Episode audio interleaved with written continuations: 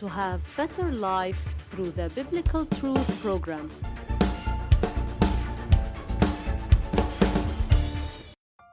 Today's biblical truth is entitled Come to me, all you who labor and are heavy laden, and I will give you rest. It seems that many are feeling tired. Many say, When, O Lord, do you come and relieve us of this life? But the Lord Jesus came to give us a better life. He came and said to his children in John chapter 10 verse 10 The thief does not come except to steal and to kill and to destroy. I have come that they may have life and that they may have it more abundantly. Yes, the biblical truth affirms that the Lord wants us to have a better life and more abundantly. Here, the Lord does not speak of eternity, but of our current life on earth, because eternity has no place for the devil. In the first epistle of Paul to Thessalonians chapter 5 verse 18, in everything give thanks, for this is the will of God in Christ Jesus for you. A better life is embraced by a life of thanksgiving, praise, and appreciation of God for what He did for us on the cross.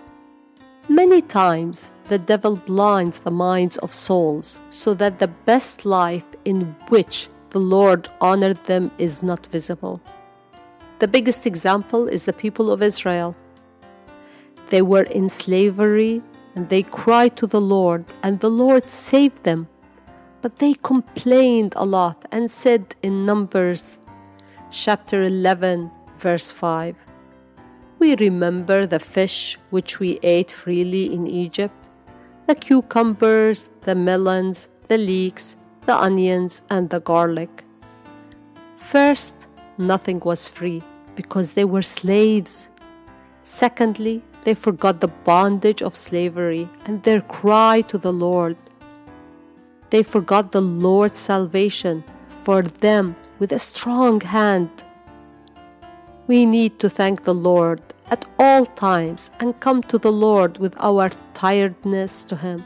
He is good and He wants to relieve you. In Matthew 11 28 and 29, Come to me, all you who labor and are heavy laden, and I will give you rest. Take my yoke upon you, and learn from me, for I am gentle and lowly in heart, and you will find rest for your souls. Come to the Lord to give you rest.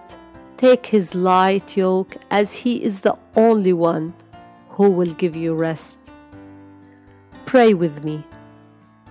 O Lord, I come to you with all my pain and weariness. You alone carried my pain on the cross and gave me rest and peace.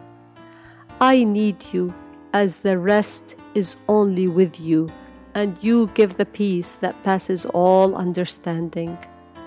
I love you because you loved me first.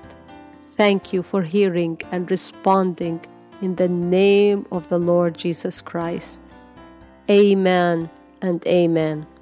May the Lord bless you in a new episode of the Biblical Truth